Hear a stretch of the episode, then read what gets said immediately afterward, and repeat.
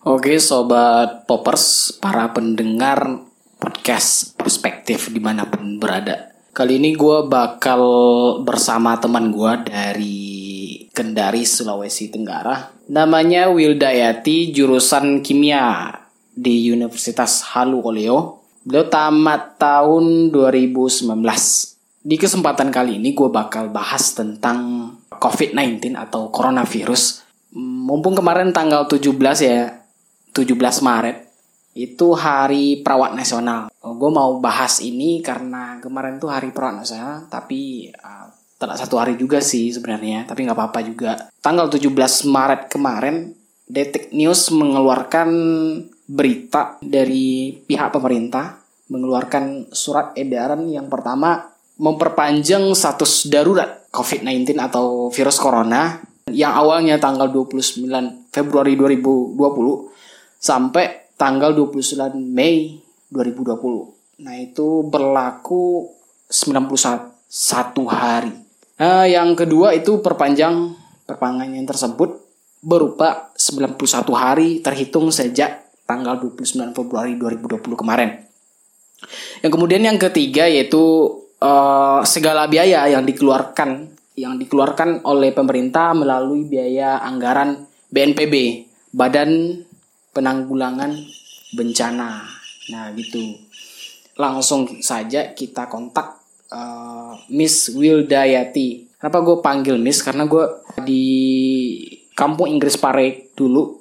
Di sana gue kenal sama dia dan satu kelas juga sama dia di sana dan akhirnya gue sekarang sampai sekarang bisa sharing-sharing bareng gitu uh, kita kontak via telepon Halo, assalamualaikum Miss Wilda. Waalaikumsalam. Uh, ini nih Miss Wilda, teman-teman mau uh, bikin podcast tentang kesehatan gitu, tentang virus corona yang mewabah di negeri kita. Nah, yeah. uh, mumpung kemarin tuh tanggal 17 Maret uh, 2020 itu Hari Perawat Nasional.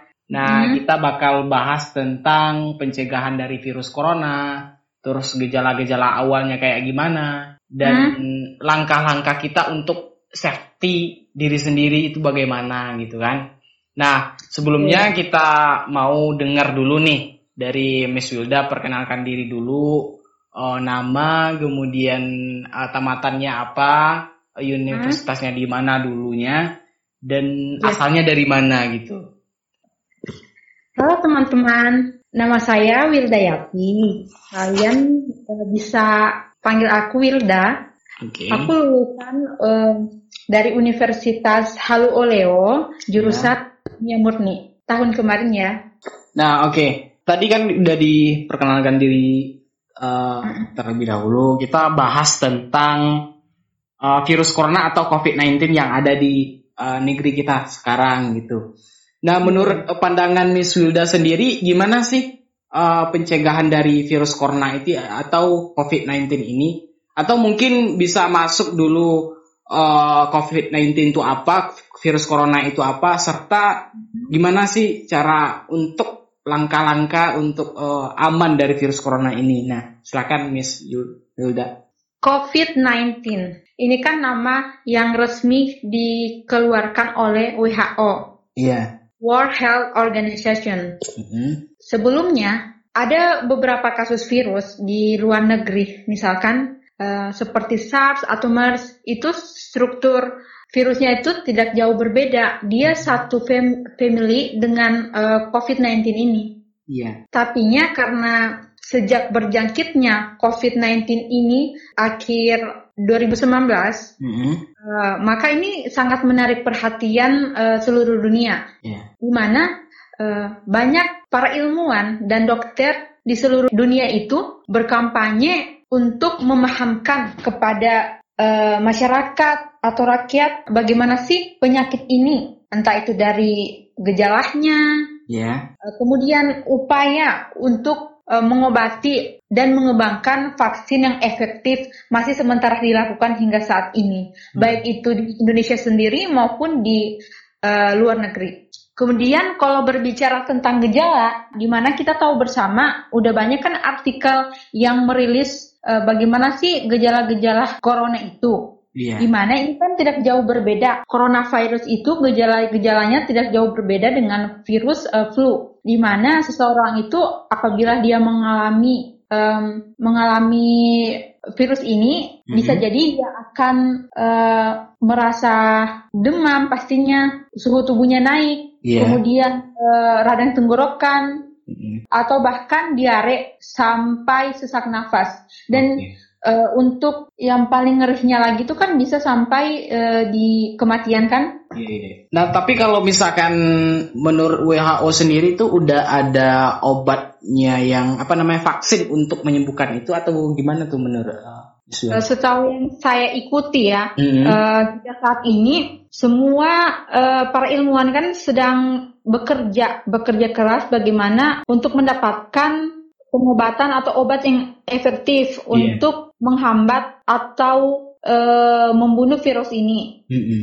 Tapi sejauh ini yang saya baca itu e, ada obat anti malaria yang digunakan, tapi dia itu e, belum cukup efektif atau mampu untuk e, melawan virus ini. Jadi saat ini masih sementara dilakukan. Hmm, betul betul betul. Nah kalau misalkan langkah-langkah yang kita uh, gunakan untuk mem, apa namanya untuk mencegah dari virus corona itu kayak kayak, kayak gimana?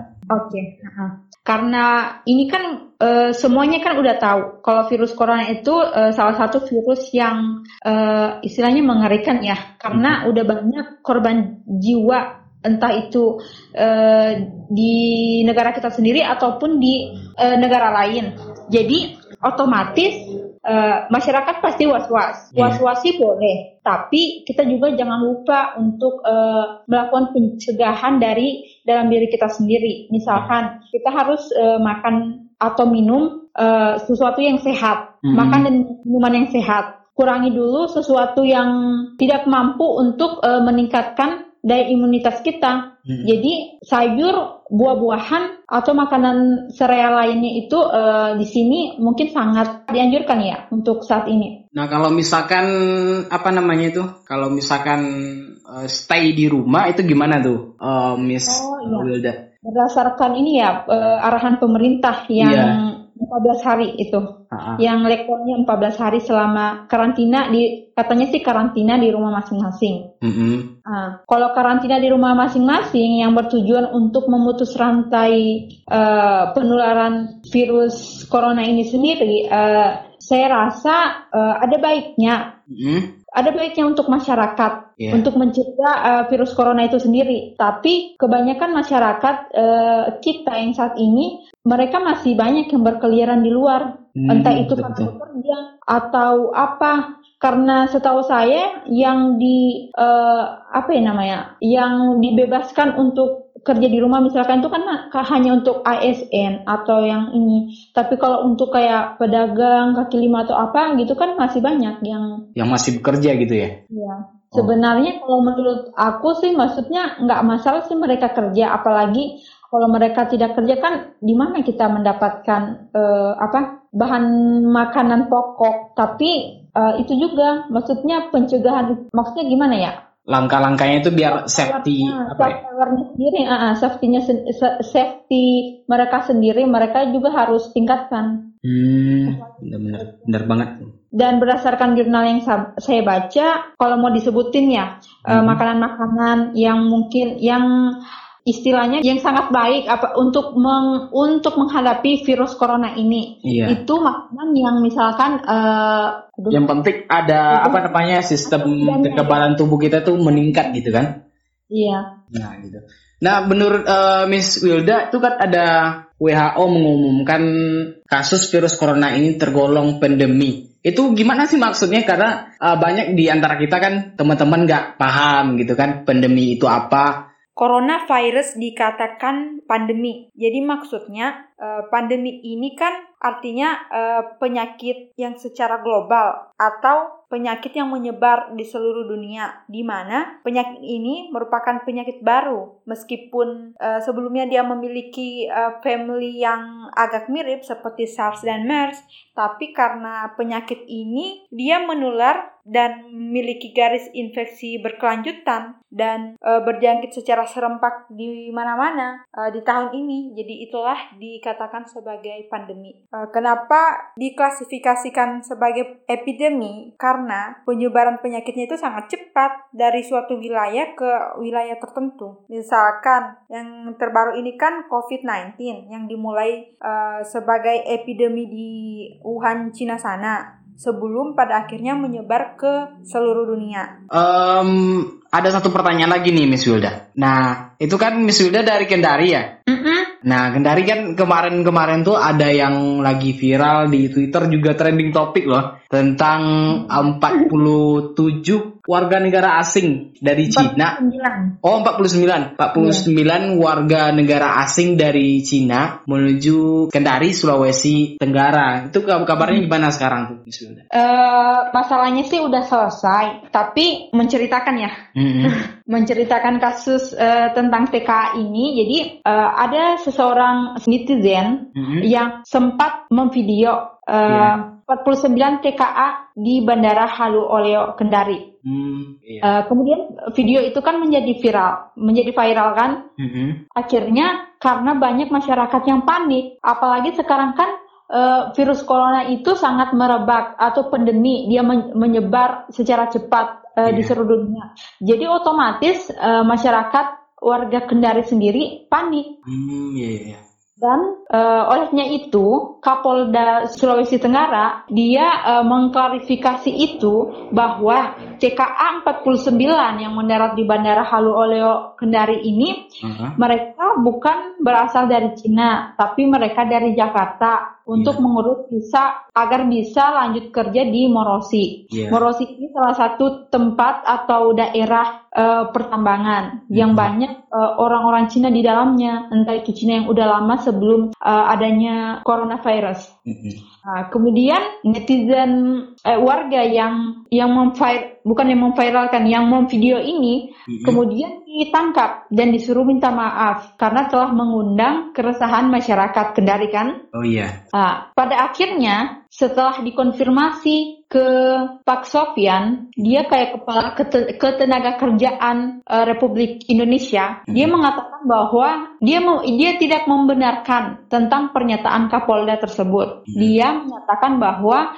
TKA 49 orang ini bukan berasal dari Jakarta, tapi memang berasal dari Cina yang kemudian mendarat ke Jakarta. Mereka diloloskan uh, ke Bandara Halu Oleo ini karena mereka kayak mengantongi apa ya kayak surat apa gitu yang hmm. tapi mereka tidak dikarantina di Jakarta. Hmm, iya, iya. Akhirnya semua sudah clear, sudah terklarifikasi. Uh, Pak Limazi, Gubernur Sulawesi Tenggara itu kemudian mengatakan kepada salah satu reporter di Sulawesi Tenggara, dia bahkan merinding dan tidak tahu tentang tentang itu. Kejadian dan, itu ya? Iya dan menyayangkan ke, kepada Kapolda mengapa uh, Kapolda tidak langsung memberitahu uh, Pak Gubernur ini. Dan akhirnya karena mereka udah di sana, 49 TK ini diisolasi di mana Pak Ali Mazi dia menurunkan uh, tenaga kesehatan, dokter dan uh, kepolisian mm-hmm. untuk mengisolasi uh, para TKA di sana. Jadi ini sangat uh, berdampak ya untuk uh, khususnya untuk masyarakat Kendari yeah. karena kayak kurang percaya lagi dengan aparat-aparat uh, kepolisian atau apa karena itu tidak adanya transparan. Ya mungkin apa? karena miskomunikasi juga kali ya antara pemerintah dan warganya juga. Iya mungkin juga itu salah satunya. Tapi ini kalau mau dibilang uh, hal yang sepele tidak. Ini bukan hal yang sepele, apalagi ini uh, berkaitan kan dengan virus corona. Menurutku ini salah satu kelalaian sangat besar sih. Iya sih. Tapi menurut uh, pandangan Miss Wilda sendiri gimana nih? Kan pemerintah uh, mengatakan bahwasanya tuh lockdown uh, selama dua minggu gitu kan? Mm-hmm. Nah gimana menurut pandangan uh, Miss Wilda? Mungkin mungkinkah itu misalkan uh, setelah dua minggu itu nanti enggak uh, menurun kurvanya mungkinkah itu baik untuk ke depannya itu gimana? Pandangan um, harapannya sih semoga menurunkan kurva uh, korban corona ini. Uh -huh. tapi uh, menurutku belum tentu efektif. Karena kenapa? Karena kita melihat saja orang-orang yang sudah tersuspek corona mereka di uh, isolasi. Misalkan ada yang diisolasi di rumah sakit yang -huh. udah di, disiapkan kan untuk untuk korban tersuspek corona. Mm -hmm. Tapi tapi ada juga yang menurut ini ya apa namanya menurut informasi banyak juga yang tidak mendapatkan fasilitas itu misalkan mereka disuruh menunggu atau uh, fasilitas ruangan isolasinya kosong iya, iya. Jadi, jadi menurutku menurutku ya uh, Indonesia ini belum siap untuk menghadapi virus corona ini sebetulnya Tapi, memang belum siap sih sebenarnya karena fasilitas fasilitas yang yang setiap daerah belum lengkap semua kan? Benar, apalagi misalnya di masyarakat, jangankan berbicara di di ibu kota kita sendiri, di daerah-daerah terpencil mana mana ada orang mana tahu masyarakat itu pemahaman tentang virus corona. Mereka masih ini aja kok masih masih kerja, masih apa, masih ke sana kemari. Karena mereka mau ngapain? Iya. nggak di nggak dibagiin apa juga kan? Iya juga sih. Nah kita tadi berbicara tentang virus corona menurut perspektif pandangan Miss Wilda dari pandangan kimianya kayak gimana dan ilmu kesehatannya kayak gimana gitu kan.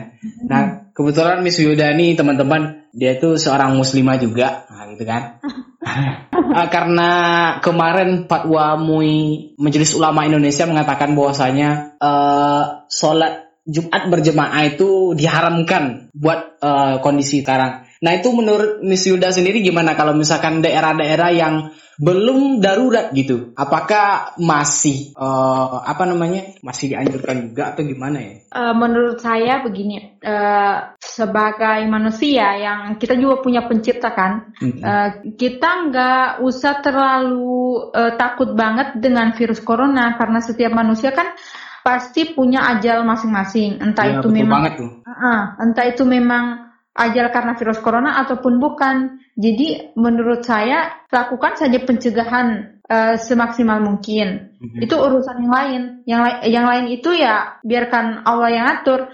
Tapi kalau misalkan terka- tentang masjid yang di apa ya di isolasi ya namanya atau apa masjid uh, yang uh-uh, ya, itu enggak. mungkin sebenarnya ada baiknya sih supaya untuk mencegah, untuk mencegah uh, penyebaran virus corona itu sendiri. Pasti nggak mungkin lah mengeluarkan fatwa yang uh, sembarangan. Mm -mm. Jadi pasti ada baiknya gitu kan untuk jadi bukan berarti uh, masyarakat misalkan kayak gini misalkan kayak Ka'bah Ka'bah itu Ka'bah kan sampai kosong kan? Iya. Nggak ada yang padahal, umroh gitu kan? Padahal sebelumnya uh, tidak pernah Ka'bah itu kosong. Selalu ada yang uh, tawaf atau apa. Tapi pada akhirnya itu dikosongkan. Terus ke, bagaimana pendapat para ulama? Kalau bergantung dengan kesel keselamatan atau kemaslahatan umat menurutku alasannya itu syar'i kok bisa diterima. Tapi kita berdoa aja semoga semuanya kembali seperti semula. Amin, amin ya amin. Dan virus corona juga ini uh, berhenti sebelum secepatnya lah sebelum uh, Ramadan. Oh iya. Ramadan bentar lagi ya, satu bulan lagi. Orang mau ini loh, mau tarawih Bener banget tuh. Tarawih kan itu harus berjemaah kan, nggak bohong, nggak bisa sendiri-sendiri di rumah. Iya. Mungkin ada pesan-pesan lagi nih sudah. Oh iya, pesannya. Mungkin yang pertama saya mau sampaikan kepada pemerintah. Mungkin ada kalau untuk yang mendengar ini mungkin ada teman-teman yang bilang kenapa sih pemerintah terus yang disalahin atau apa? Hmm. Ya bukan gitu. Kita kan masyarakat yeah. punya pemimpin negara di mana lagi kan kita mau mengadu. Yeah. Uh, tapi ini salah satu bentuk intro, introspeksi pemerintah juga untuk mendengarkan keluhan masyarakatnya. Ya. Uh, di mana saya ber, uh, mengharapkan pemerintah ini harus transparan mengenai uh, kasus corona itu sendiri. Hmm? Uh, uh, harus transparan. Maksudnya itu kayak korbannya berapa gitu kan di tindak ditindaklanjuti supaya orang nggak ini nggak jangan sampai untuk menyebar ke mana-mana baru ditahu akhirnya kayak kaget kayak gitu ya? Gitu. Kaget eh, kayak shock gitu ya lah. Akhirnya panik dan situasinya malah memburuk gitu kan? Iya belajar juga dari negara-negara yang udah duluan uh, menghadapi virus ini misalkan kayak yang sebelumnya saya baca kayak di Korea Selatan. Ya. uh, mereka sudah punya teknologi yang di mana mereka masyarakat sendiri itu udah tahu uh, di titik-titik mana saja yang ada orang terkena coronanya jadi dia nggak mendekati area itu itu betul banget tapi karena kita negara berkembang ya maksudnya nggak bisa juga kayak dibandingin bandingin tapi kan bisa maju ya. Jadi bisa uh, ambil pelajar di balik itu. Hmm. Menurutku sih yang paling penting itu aja, maksudnya uh, kesehatan, maksudnya fasilitas kesehatan, fasilitas pelayanan untuk uh, masyarakat itu lebih di ini, lebih ditingkatkan. Nah, ada pesan-pesan nggak buat uh, mumpung kemarin tuh ada tanggal 17 Maret kan Hari Perawat Nasional, ada pesan-pesan nggak? Oh, gitu ya. Oke, selamat Hari Perawat Nasional untuk perawat-perawat yang luar biasa di Indonesia ini. atau di mana pun deh. Semoga tetap semangat, tetap tulus, tetap apa ya untuk melayani masyarakatnya gitu. Semoga tetap sehat, didoakan. Khusus, khususnya pasien-pasien corona ya. Iya, karena luar biasa mereka kan iya. langsung terjun langsung uh, terjun, terjun langsung untuk menghadapi pasien suspek. Uh, gitu aja sih Miss Wilda mm -hmm. hari ini. Mungkin Miss Wilda ada Instagramnya mungkin atau Twitter atau YouTube juga boleh atau blog juga boleh nanti di share ke teman-teman biar uh, pada tahu semuanya kepoin kan yang mana nih Miss Wilda gitu kan. Oke okay, guys, untuk kalian uh, yang ingin mengenalku lebih dalam bisa uh, kita bisa follow-followan lah di Instagram akun Instagram aku will die hanya itu ada empat. Terus di akun channel YouTubeku uh, Wildas Diary. Dan untuk kalian yang yang suka membaca bisa mengunjungi uh, website blogku di Pena Wilda. Oh iya aku mau bilang uh, satu lagi sih kayak apa ya sharing aja sih ini. Misalkan aku kan dari kimia Ya. Hmm. Kemudian aku mau bilang aja sama teman-teman yang lain yang uh, pada stay di rumah gitu kan, uh-huh. uh, untuk mengonsumsi uh, makanan minuman yang berantioksidan, yang okay. itu tadi yang meningkatkan daya tahan tubuh kita seperti kelor, seperti uh, buah-buahan, sayur-sayuran, zat besi atau apa, terus mineral-mineral. Karena kenapa? Karena di dalam tubuh kita itu kan tersusun uh, tersusun uh, atas asam amino. Uh, jadi itu banyak ada banyak itu di buah kelapa. Oke, siap. Terus uh, sup ini loh, maksudnya biasain minum rimpang-rimpangan dulu. Jangan dulu minum minuman yang berkemasan atau apa. Minum rimpangan seperti kunyit yang mengandung kurkumin, kemudian jahe, uh, serai, jeruk. Karena itu menurutku salah satu untuk penangkal virus. Itu dari pandangan dari segi kimia ya? Iya, kimia dan biologi. Karena virus itu kan uh, dia radikal bebas ya. Maksudnya radikal bebas itu artinya dia mudah untuk bereaksi okay. dengan yang lain. Ya makanya itu uh, kita harus punya penangkalnya, penangkal dari dalam tubuh kita sendiri. Tingkatkan daya imunitas kita. Kemudian jangan stres-stres gitu kan istirahat yang cukup juga, dan yang paling penting adalah berdoa. Oke, siap. Mudah-mudahan kita selalu dijaga oleh Allah Subhanahu wa taala dan dijauhan hmm. dari virus yang namanya corona lah atau COVID-19 lah gitu kan. Iya, iya benar. Oke. Okay. Uh, eh, mungkin itu aja Miss Wilda. Terima kasih Miss Wilda dari Kendari, ya. Sulawesi Tenggara, teman-teman. Uh, mak terima kasih juga udah diajak collab. Ya. Semoga bermanfaat. Oke, Miss Wilda. Terima kasih. Iya. Sama. Waalaikumsalam. Uh, mungkin demikian podcast kita kali ini dan ikuti uh, podcast berikutnya. Mungkin kita akan bahas isu-isu terkini. Dan hari ini itu saja. Terima kasih. See ya.